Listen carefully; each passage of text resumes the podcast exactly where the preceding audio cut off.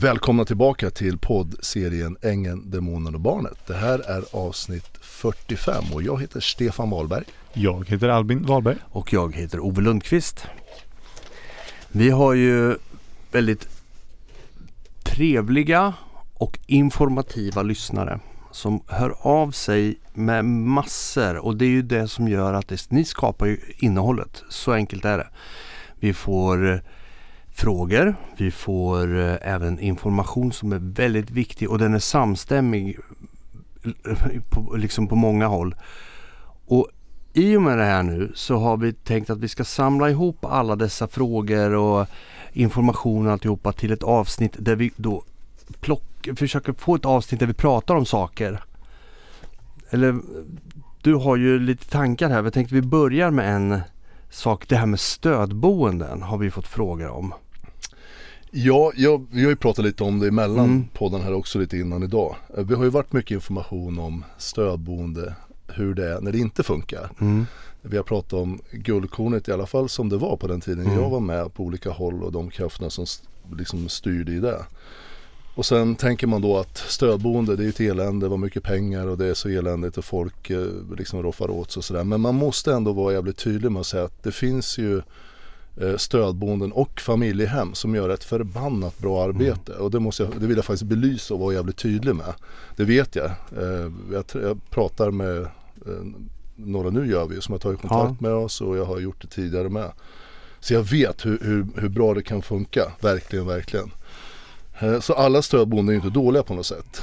Det, det som är bristen då möjligtvis, det man kan notera eh, när man tittar på ja, men växenheten och till exempel Guldkornet och de hemmen som ligger under väx, växenheten. För växenheten är ju bara en förmedlingsverksamhet mm. egentligen av klienter. Eh, det, det, är ju liksom att eh, vart, vart, peng, vart pengarna går. Vi har ju ett supersuveränt system där faktiskt människor som halkar dit i något slags missbruk och mm. elände kan få hjälp, inte bara missbruk med andra problem med, psykiska eller vad du vill, depressioner eller vad det är. Vi, har ju, vi lever ju i Sverige och vi har ju ett suveränt system. Jag, jag, är, jag är så glad och jag har ju varit ute och rest rätt mycket tidigare i mitt mm. liv och jag liksom är så glad varje gång man kommer hem till Sverige. För vi, jag menar man lär känna folk, jag känner folk både på österut och västerut mm. och, och man ser hur det funkar där och där är man ju, där man är ju lost om det blir någonting. Men här i Sverige har vi ett skyddsnät som vi faktiskt har byggt upp tillsammans i vårt demokratiska Sverige under många, många år. Där man kan få riktigt bra hjälp om man råkar hamna i missbruk. Och som sagt, ibland är det ju inte ens att man har valt det själv. Nej. Man kan ha blivit sjuk, man kan ha brutit ben, man har fått lite stark medicin av någon läkare som har skrivit ut det. Och sen rätt vad det så är du en av de här som trillar dit lätt och sen sitter du där. Mm. Men då kan du också få hjälp och det, det ges, bro, vi har ju pratat om i snitt, eller minst i alla fall 2000 per dygn får man ju. Eller om man i alla fall går via Växa och många andra förmedlare med. Och många andra stödboenden och behandlingshem som som tar an klienter själva. Det är ju den ersättningsnivån som är och det kan man ju tycka, oj vad mycket pengar. Men alltså det kostar, eh, mm. det gör verkligen det att ge kvalitativ hjälp till missbrukspersoner. Så alla eh, stödboenden är ju absolut inte skit utan Nej. jag vet att det är många av er och det är många av ja, i den här branschen som lyssnar på den här podden. Mm. Så jag vill verkligen ge er cred, ni som med hjärtat gör ett bra jobb. För det finns många som lägger ner sin själ i det. Vi pratade lite grann innan om det här för att i och med att det finns som du säger väldigt många, jag kan väl tro att majoriteten är ju bra boenden och alltihopa det här. Men vi har ju även pratat om det här med poliskorruption och vi har pratat om hur det fungerar i rättssystemet överhuvudtaget. Vi har ju tagit några exempel med de här ruttna äpplena. Men det, med det sagt är ju inte alla poliser dåliga, långt därifrån. Utan det, vi har en stabil och stark poliskår. Sen finns det alltid i överallt så finns det folk som utmärker sig och sticker ut liksom.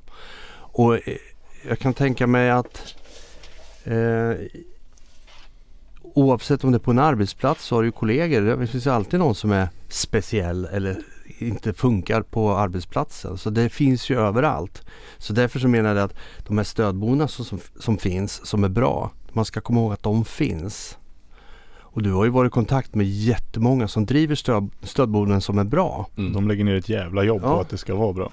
Ja men alltså allvarligt, jag pratar med eldsjälar och det är Mm. det som behövs. Att det Mm. finns en eldsjäl som ligger bakom som verkligen gör allt vad de kan för, Mm. och förstår eh, vad mycket som krävs för att Mm. hjälpa någon tillbaka. Och den belöningen, inte bara i ekonomi som man får utan framförallt en personlig vinst. Och den här personen då och alla anhöriga runt omkring och alla som har med den här personen att göra. Mm. När man kan komma ifrån drogerna och hitta tillbaka till sig själv och ett bra liv och sådär. Det, det finns liksom inga pengar nästan som Nej. går att värdera det. Men det hö- behövs eldsjälar. Och alla ni som, ni vet nog vilka ni är. Det är liksom en stor, stor eloge till er. Mm. Men sen å andra sidan då så finns det ju sådana som, som eh, eh, utnyttjar reglerna maximalt och bluffar lite grann, mörkar lite grann och hittar en strategi där de kan liksom eh, orimligt komma över alldeles, alldeles för mycket pengar, oskäliga summor liksom mot, jag menar är man nu förmedlare som växenheten är, nu ska vi prata om det precis som det är. Mm. Vad kan man då tänka sig att man, jag känner ju till andra förmedlare som fungerar precis som växenheten och den summa man pratar om som, den kan man prata om öppet om, både till socialtjänsten och öppet, det, är ungefär 20 procent. Eh, Till förmedlare? Ja, en förmed, som en förmedlare ska ta. Mm. Och resterande 80 procent går till det boendet eller det familjehem som, som då har hand om den här klienten. För då Mm. får man de resurser i, i form av ekonomi som krävs för att hjälpa den här personen. Mm. Men jag tänker på när du säger sådär, om jag fattar det här rätt så har ju det jag har hört också det är ju att Bill har förväxlat de här siffrorna.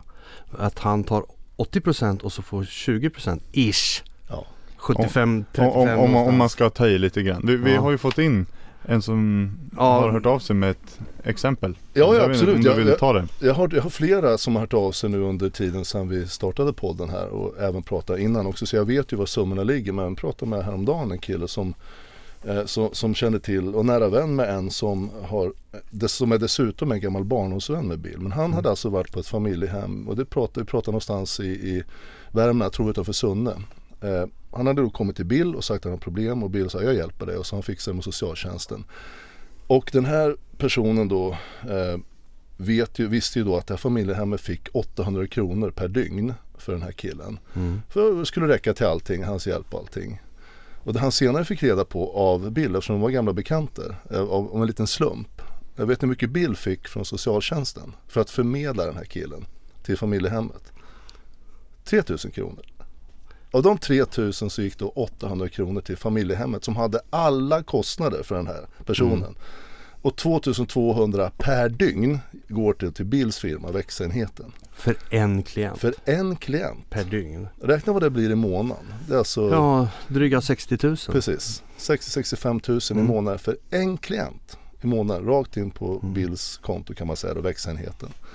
Och det är liksom inte rimligt. Och det, det som händer då, det är att det tas ju massor resurser från att hjälpa den här klienten. Mm. Och nu var det en gammal vän till Bill och han kanske var nöjd ändå och sådär. Men alltså det, det, vi måste komma ihåg det. Vi har faktiskt jobbat fram ett system där man kan få riktigt bra hjälp. Bland annat genom att få ekonomiska resurserna som krävs för att man ska komma tillbaka. Allt vad det innebär i form av hjälp, terapi. Kan få terapi varje dag och sådär. Men i och med att sådana som Bill eh, och växenheten tar så stor del av ersättningen så tas ju de här resurserna bort till väldigt stor del. Så det blir nästan bara ett förvarande av klienten. Mm. Då får det här hemmet då 8, 16, 24, 25 000 i månaden. Det, kanske, det, det är ju ungefär vad det kostar att rodda bara en, en, en klient som bor där. All den här kvalitativa hjälpen som, som skulle behövas egentligen, den finns ju inte Det finns inte resurser som du sa nyss här att han var en gammal bekant till honom och han kanske var nöjd ändå. Men egentligen handlar det mer om familjehemmet.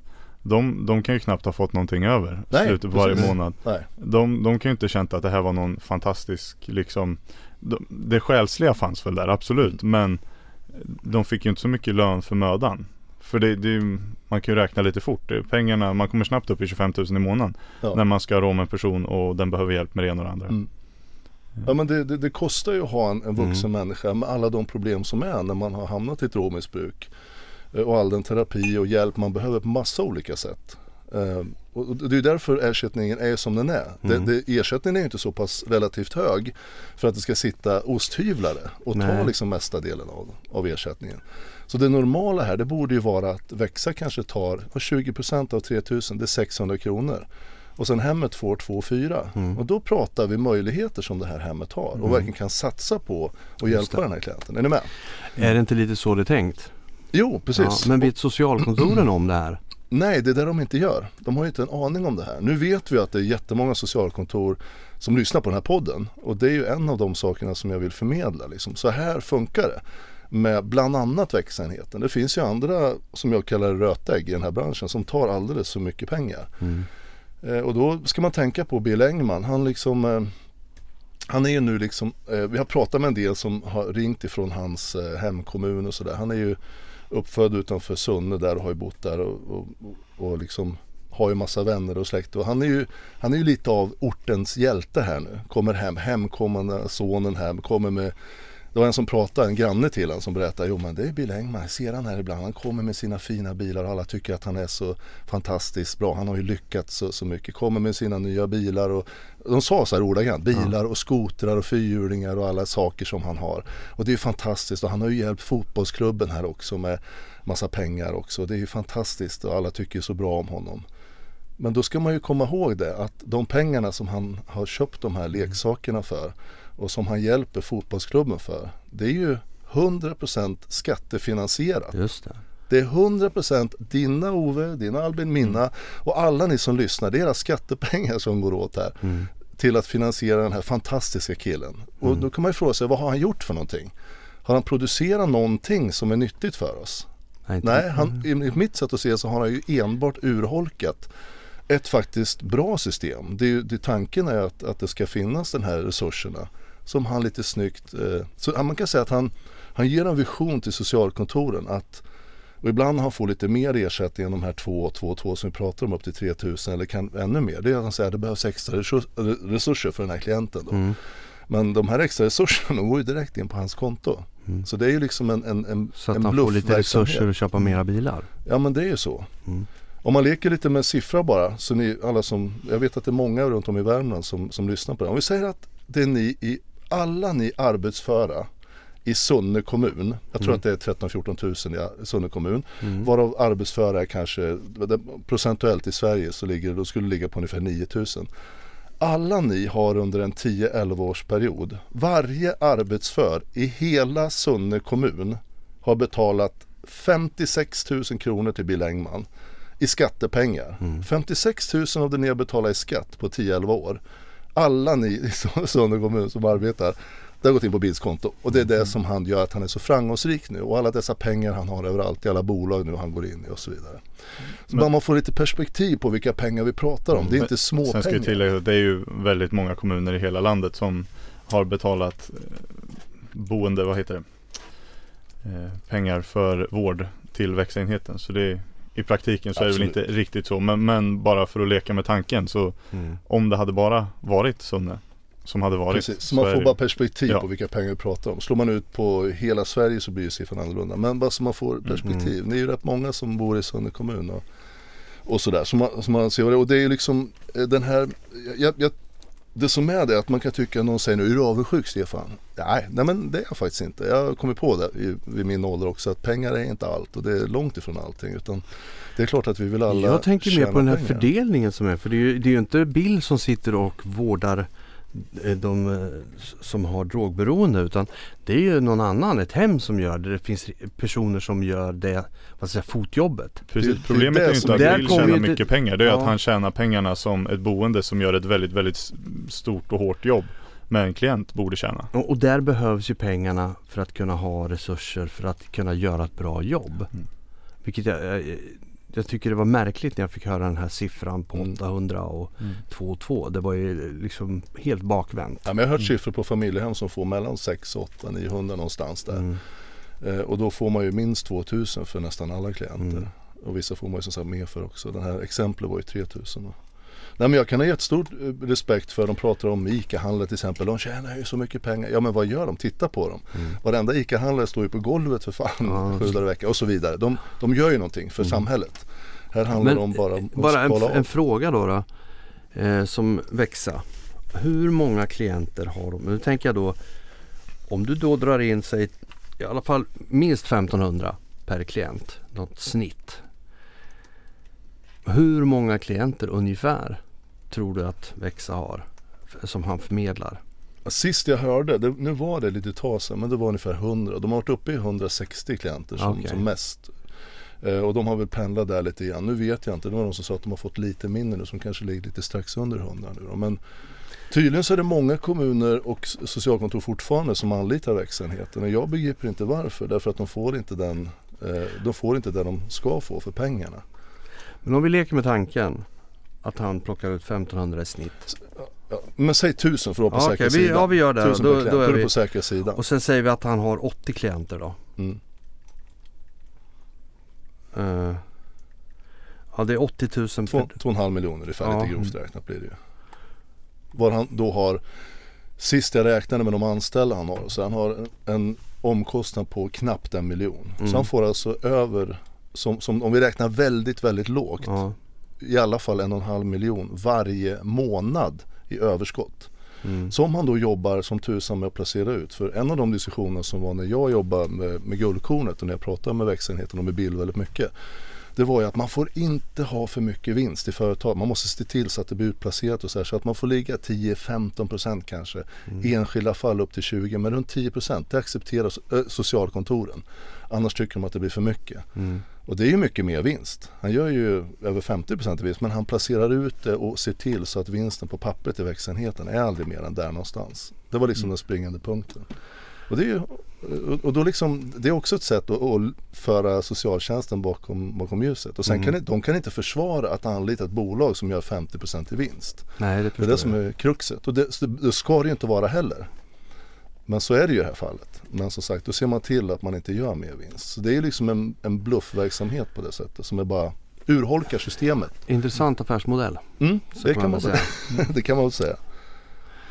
Ja. Ja, man kan spinna vidare på den här tanken med. Vem, vem ska man, vi pratar om stödboendet som att det har varit lite mycket negativt kanske Ja. möjligtvis i podden och vi försöker balansera upp det. Det finns ju ni som gör jättebra jobb men det finns anledning att titta på det. Mm. Och då kan man konstatera att det är ju inte stödboendena i sig som är fel. Systemet är inget fel. Jag tycker det är skitbra att det finns resurser att ta till när man behöver hjälp. Men det finns några rötägg. Det är enskilda människor här som, Mm. som utnyttjar system och gör fel. Vi kan dra över här till polis, eh, poliskåren. Ja. Bara för att det finns en och annan polis som vi har hört i podden som sitter i rätten och ljuger och begår mened så är ju inte alla poliser värdelösa. De flesta poliser är övertygade om, väldigt, väldigt många i alla fall, gör ett superjobb. Det är ju fan ett supertufft jobb att vara polis. Det kan ju vem som helst förstå.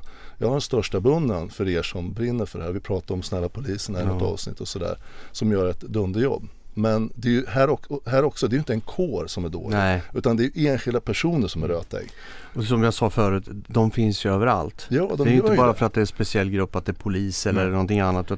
Det är ett De mänskligt finns- fenomen. Så Ja precis. det är Ja. människor som gör Ja. saker då kommer det vara en och annan som Men som att inte man gör då skulle ska. då, om, om jag skulle vara ett jävla rötägg, skulle alla, mina, alla de andra människor vara det? Nej, det, jag är ju in, en in, individ Mm. och samma sak är det ju då inom poliskåren. Mm. Där finns det då rötägg och då är ju inte alla poliser dåliga. En del tycker att man ska Mm. säga, ja men det, man kan inte lita på polisen. Nej. Nej. men det är kanske en eller två som är svin. Och då Samma måste man gå in och verkligen göra någonting åt Mm. de som är dåliga. Ja, För de, jag menar en polis litar man ju på Ja. initialt. Så gör, det ska vi ju göra. Eh, Men, men bara för de här rötäggen finns så kan vi inte bara kasta skit och tycka illa om poliser. nej. Eh, Och det är samma, jag vet inte om jag ska våga gå in på, jag tar en liten känslig jämförelse men jag tar ändå ur statistiken. Ja, Människor som har kommit till Sverige eh, Ja. och vi pratar invandrargruppen. ja, Eh, Jag tittar på Brås senaste rapport. Då tittar de på eh, antal våldtäkter till exempel. Det är ju Ja. jättekänsligt men vi kan ta upp det som ett exempel. ja. För det liksom stämmer med det här vi resonerar om. De, då kollar de mellan 2000 och 2015 så tittar de på alla dömda för våldtäkter och då var 60% av alla de dömda var första eller andra generationens invandrare. Mm. Och då tänker man ju, åh helvete, det är ju en överrepresentation så det heter duga. Men då måste man ju komma ihåg att då tar man ju alla de här första och andra generationens invandrare i en enda grupp. Mm. Börjar gå in och titta i olika grupperna så ser det helt annorlunda ut. Det finns ju vissa grupper och jag, några av dem jag tycker allra bäst om som jag litar allra mest på är ju också invandrare. Det är de bästa människor man kan tänka sig. ja. Eh, Så, och även här då måste man ju lokalisera vilka individer det är och de måste ju, de måste ju Eh, Då får man, man får liksom se problemet för vad det är. Det här vi människor gör och delar in Ja. eh, massa i, i grupper och sen dömer ut hela grupper. Det, vi gör ju det misstaget hela tiden. Ja. Vi var inne på MC-gäng här också. Eh, ja, MC-gäng de, de kan ju inte knappt röra sig ute. Jag, Nej, jag vet, vet. att alla i ett MC-gäng är inte kriminella. Nej. Men några är det väl säkert absolut. Det, är väl inget, det, det kan man väl utgå ifrån. Men det är ju inte bara för att de är med i ett MC-gäng de är kriminella. Det är väl lite så här också vad det gäller MC-gäng att de som är kriminella har ju utmärkt sig. Alltså i media och eh, man blir omtalad på olika sätt och det är väl klart att det är de som syns. Och i och med att det är de som syns så blir ju alla MC-gäng ruttna ägg. Liksom. Men det är ju inte så. Nej, Men så så här, man, kan, man, kan, man måste våga jämföra lite grann. Då en Mm. MC, om vi säger nu att det är ett MC-gäng. Jag har ingen fog för det, men vi säger att de gör någonting kriminellt. De driver in en skuld till exempel. Det kan man Mm. väl gissa att de, någon gör någonstans. Och vad är det? Någon som är skyldig pengar som inte vill betala. Okej, mm, moraliskt kan man diskutera det. Men här sitter en polis och begår mened. Mm. Och ställer till ett helvete för, för en, en del människor. Och för mig i det här fallet. Mm. Daniel när han sitter och ljuger i rätten. Vad är värst egentligen? Alltså vi var inne på det i en annan podd där. Man kan fan diskutera det. Se till att ta ut de här enskilda individerna. Haka inte fast det vid att det är nödvändigtvis MC-gäng. Det finns stackars eh, snubbar som är det bästa man kan tänka sig som är med MC-gäng som inte gjort en fluga för när. De är bara schyssta. Men de får ändå lida för att de råkar vara, ha fel kläder på sig och sitta på motorcykel. Liksom. Är ni med?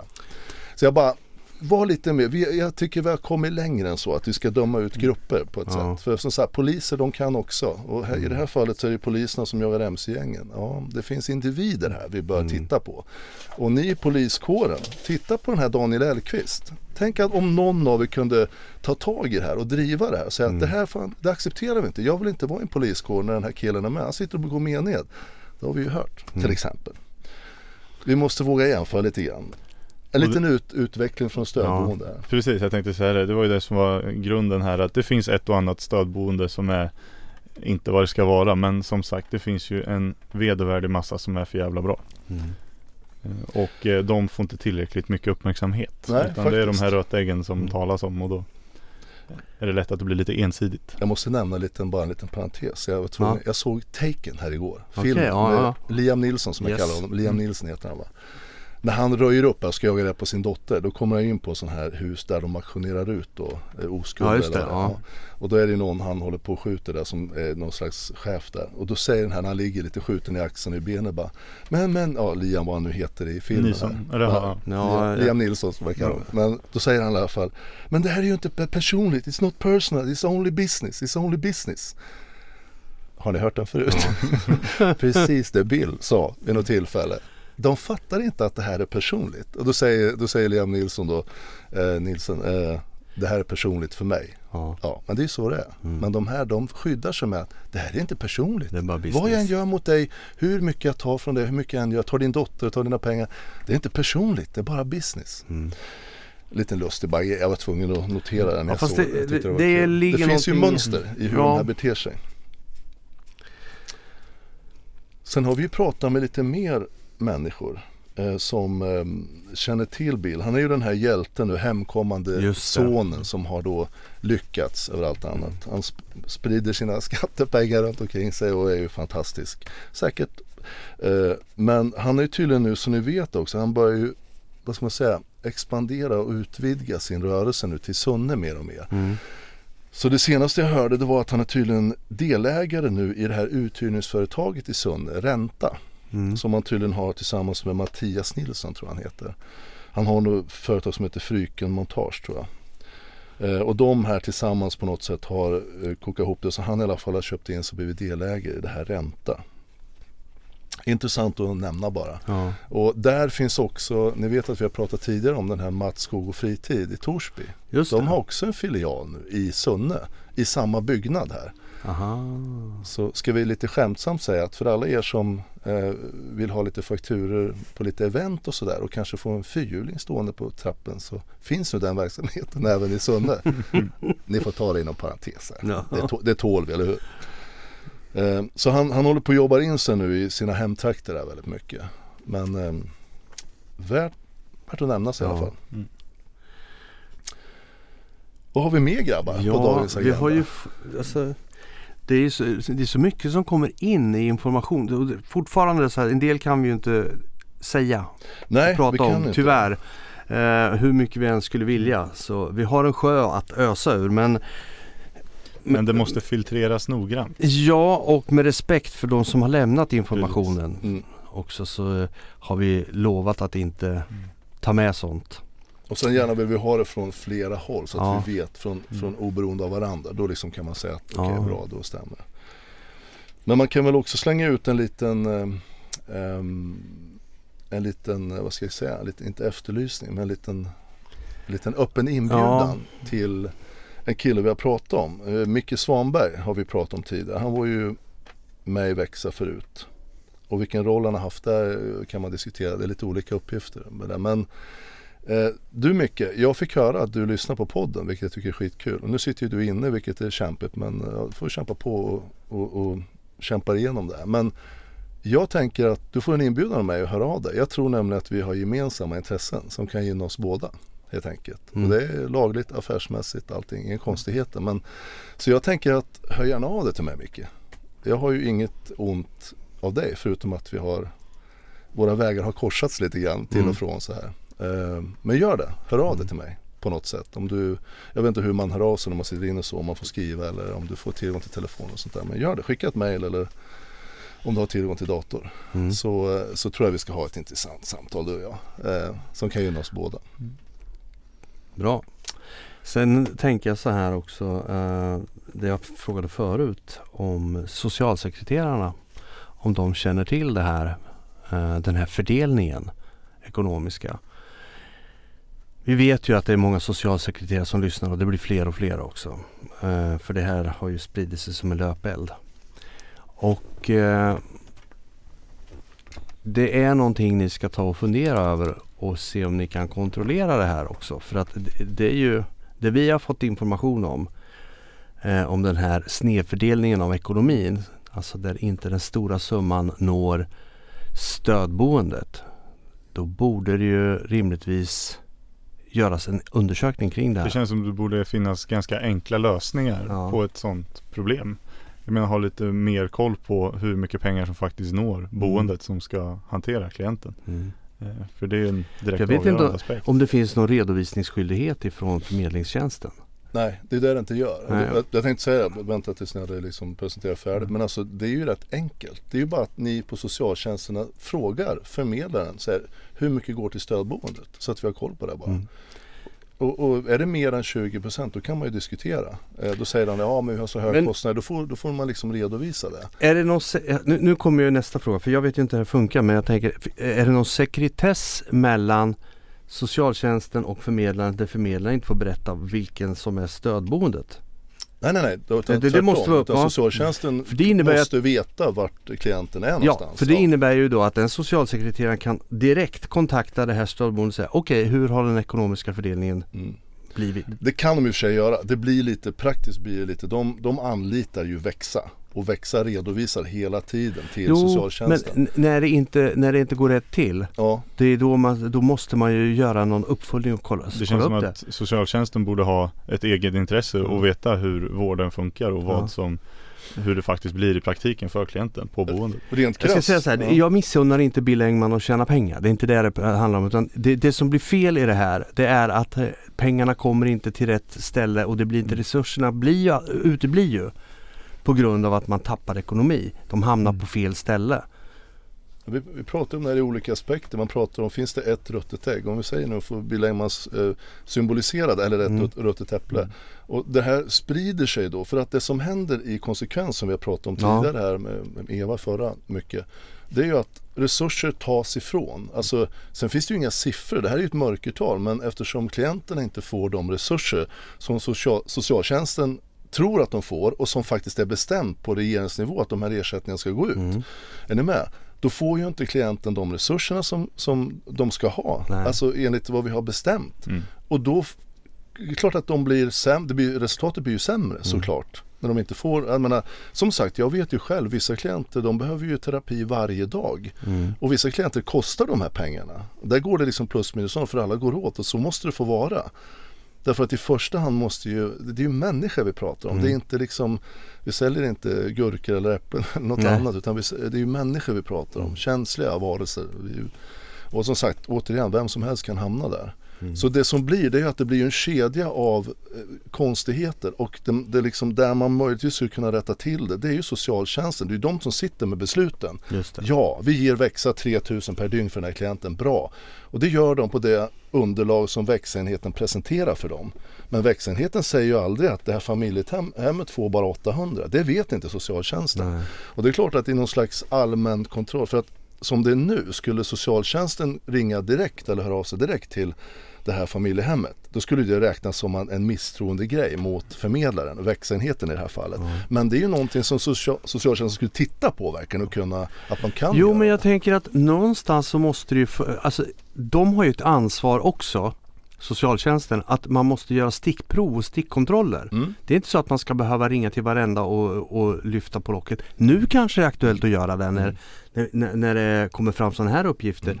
Men i en no- normal process så skulle man lite nu och då göra stickprov och se så att allting fungerar. För de i syvende och sist så är det ju de som är ansvariga. men de är huvudansvariga för Ja. klienten, socialtjänsten, så är det ju. Ja. Det Då det måste det ligga i deras eget här. intresse att se att de resurser man fördelar ekonomiskt Mm. går ut på rätt ställe. Så att res- resurserna verkligen kommer att eh, tillgodose klienten. Ja men visst fan är det så, visst är det så. Och så då kan man inte gå in och till exempel rådgöra med, ja men i det här fallet växenheten. För Mm. de säger att ja men du vet den här klienten det är vad det här och vi har läkare står på. De drar ju till med alla möjliga runda förklaringar. Så det går inte liksom att rådgöra växa för de kommer ju, det är ju det de är duktiga på växenheten. Bill Mm. Engman, Peder Dam och de nu som jobbar med det, det är de två jag vet nu för nu har ju Micke slutat med. De är bra på att visionera tillsammans Mm. med socialsekreterarna så de känner att vad fan det här låter ju hur bra som helst. Mm.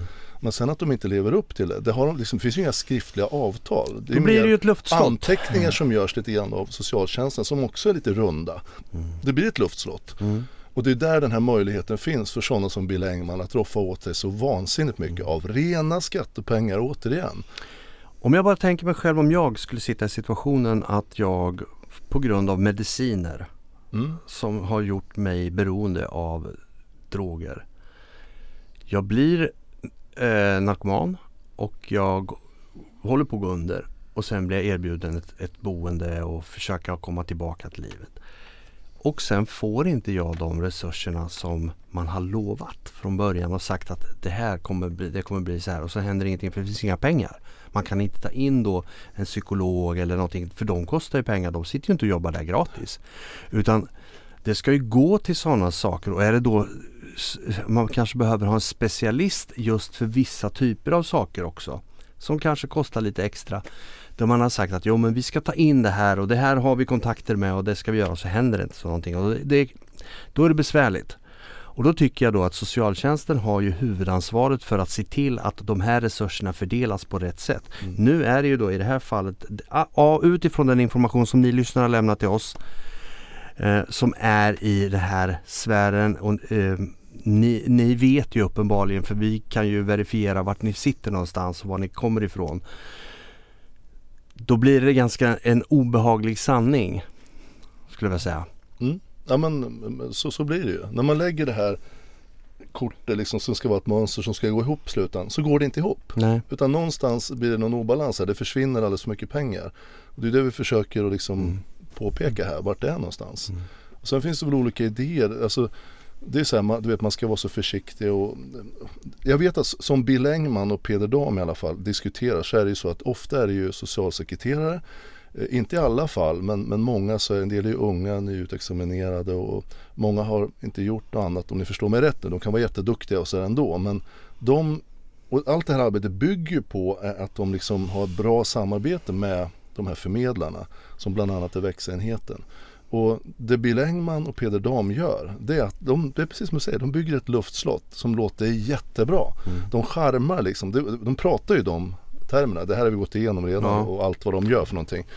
Eh, och det är liksom det det går ut på. Sen, sen, sen är det ju också, man måste komma ihåg det att för varje kommun som har de här jobbiga individerna så är det ju det är ju ett bök när en vuxen människa går in i ett drogmissbruk och när man, alla som gör det blir mer eller mindre barn liksom. Mm. Man, man, man blir man är inte vuxen, man tar inte ansvar för någonting och man är, ja, det blir bara allt möjligt tok. Och de, det är lite skönt när någon säger precis det Bill Engman och Peder Dam säger, det här löser vi. Du behöver inte tänka på någonting, vi löser det här. Det kostar 4 000 per dag, men vi löser det. Och sen så behöver du inte tänka mer, åh tack säger socialtjänsten. För de har så mycket ändå. Socialtjänsten är jävligt ansträngda idag, de är verkligen det. Så att, och då är det liksom inte de som de skickar iväg blir hjälpta. De får de resurserna, de blir hjälpta, de kan komma tillbaka i livet utan det blir bara mer och mer. Jag tänkte, och, är du med? Ja. Alltså det blir en obalans alltså, som bara blir Problemet blir, ligger ju också i att, säg nu eh, en klient som kommer in och har ett eh, drogberoende eh, och då till största sannolikhet också kriminell därför att en drogberoende person inte har ett jobb utan måste då stjäla för försörjning. Lite så. Eh, vad händer då, då om det går det funkar inte så bra på stödboende. De gör vad de kan men de har inte då alla de resurser de har blivit lovade åtminstone. Ekonomin går inte ihop. Då är ju den här personen ute på gatan igen ganska snart. Och då, har ju, då är ju problemet där igen. Då är det ju bara en stor loop. Mm. Det är precis vad det är, det går i cykler för Mm. de som missbrukar. Men då att försöka få tillbaka en människa i, alltså i, i, samhället och jobba och kanske bilda familj, alltså komma på fötter. Mm. Om man då fråntar den personen den möjligheten på grund av att pengar har felfördelats. Mm. Om, det är, om det nu är orsaken. Det, det kan vi ju inte säga med säkerhet men det finns ju större möjligheter att det går åt rätt håll om man har pengar och kan stoppa in i resurser för att hjälpa den här personen. Ja, men det, det jag kan säga med, med 100% säkerhet är att jag ser att det går alldeles för mycket pengar åt i det här fallet verksamheten som förmedlar klienten. Mm. Alltså de, de största resurserna ska ju gå till det stället som tar hand om klienten och ska hjälpa klienten. Mm. För det är, och det är precis, du har helt rätt. Det går i cykler och minne, de får inte hjälp de behöver. Du måste fånga upp en klient jättesnabbt. Till exempel när jag eh, var aktiv på, på, och jobbade på Guldkornet och skötte det så ville jag ta det första liksom, samtalet med den. Jag ville hämta den var det nu var någonstans, Mm. på någon anstalt eller på någon annanstans. Så där. Därför då får man den här första connectionen och sen Mm. så är den jättevärdefull att jobba på sen. Så man, så man har en dialog hela tiden och får man inte de resurser som krävs så man kan ha personal så det räcker och, och så Mm. vidare. Då kan du aldrig hålla i den där utan då försvinner den här eh, klienten och personen, det är en person, eh, Ja. precis som du och jag, så iväg. Därför att den liksom kan inte sitta och vänta.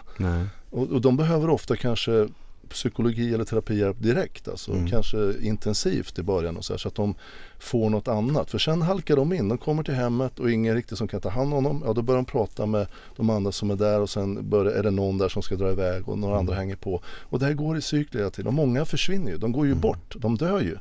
Av, av att de liksom till slut inte, ja men de, de, de håller på så länge rätt är så blir det fel. De tar en överdos eller Mm. kroppen säger ifrån. Vi berättade om han vi kallar för Janne här till exempel. Där hjärtat eh, tog slut. Alltså det, det, det tog stopp till Mm. slut. Och han har vi ju berättat om. Jag, jag varit väldigt ärlig och sagt. Jag tyckte inte vi kunde ge honom den hjälp han, han behövde. Jag tyckte jag såg vad han behövde. Han Mm. behövde ju sova som vi sa i hans fall. Mm. Men inte ens det kunde vi liksom eh, ge honom. Och, och det, det, det är illa på många håll. Mm. Mm, så, är, så är det Så, bara. ja. Så vad ska vi göra? Jag tycker att ni på socialtjänsten har ju ett, ett det är ni som har yttersta makten att göra någonting. Växa-enheten kommer inte göra någonting annat än att fortsätta med det de håller på med och ta så många klienter de får hos alla er socialtjänster som fortfarande jobbar med dem. Ehm, och ni som har familjehem och, och kanske har stödboende med och jobbar med växenheten eller andra som ni inte är nöjda med, som ni förstår tar alldeles för stor del. Ni kan höra av er. Vi, jag vet ju några som tar väldigt rimligt och är väldigt duktiga som förmedlare. Mm. Jag kan gärna förmedla den kontakten om ni vill. Det är bara en öppen liksom, inbjudan till den som konsumentupplysning. Ja, ja, det är det. precis. Eh, I all, eh, konkurrensen är ju fri som sagt så jag kan, eh, det kan jag bidra med Ja. i så fall om ni vill det. Mm. tycker det var fina ord. Jag tycker vi avrundar där för att, och lämnar med att hör gärna av er då till Mm. dig Stefan blir det Mm. ju då. För att det är du som sitter på de här kontakterna. Är det så att ni känner att ni vill ha lite bättre Mm. så finns det alternativ. Så gör vi. Ja. Då rundar vi av för idag. Det blir suveränt. Ja. Ha det gott. Var rädda om er allihopa. Hej då.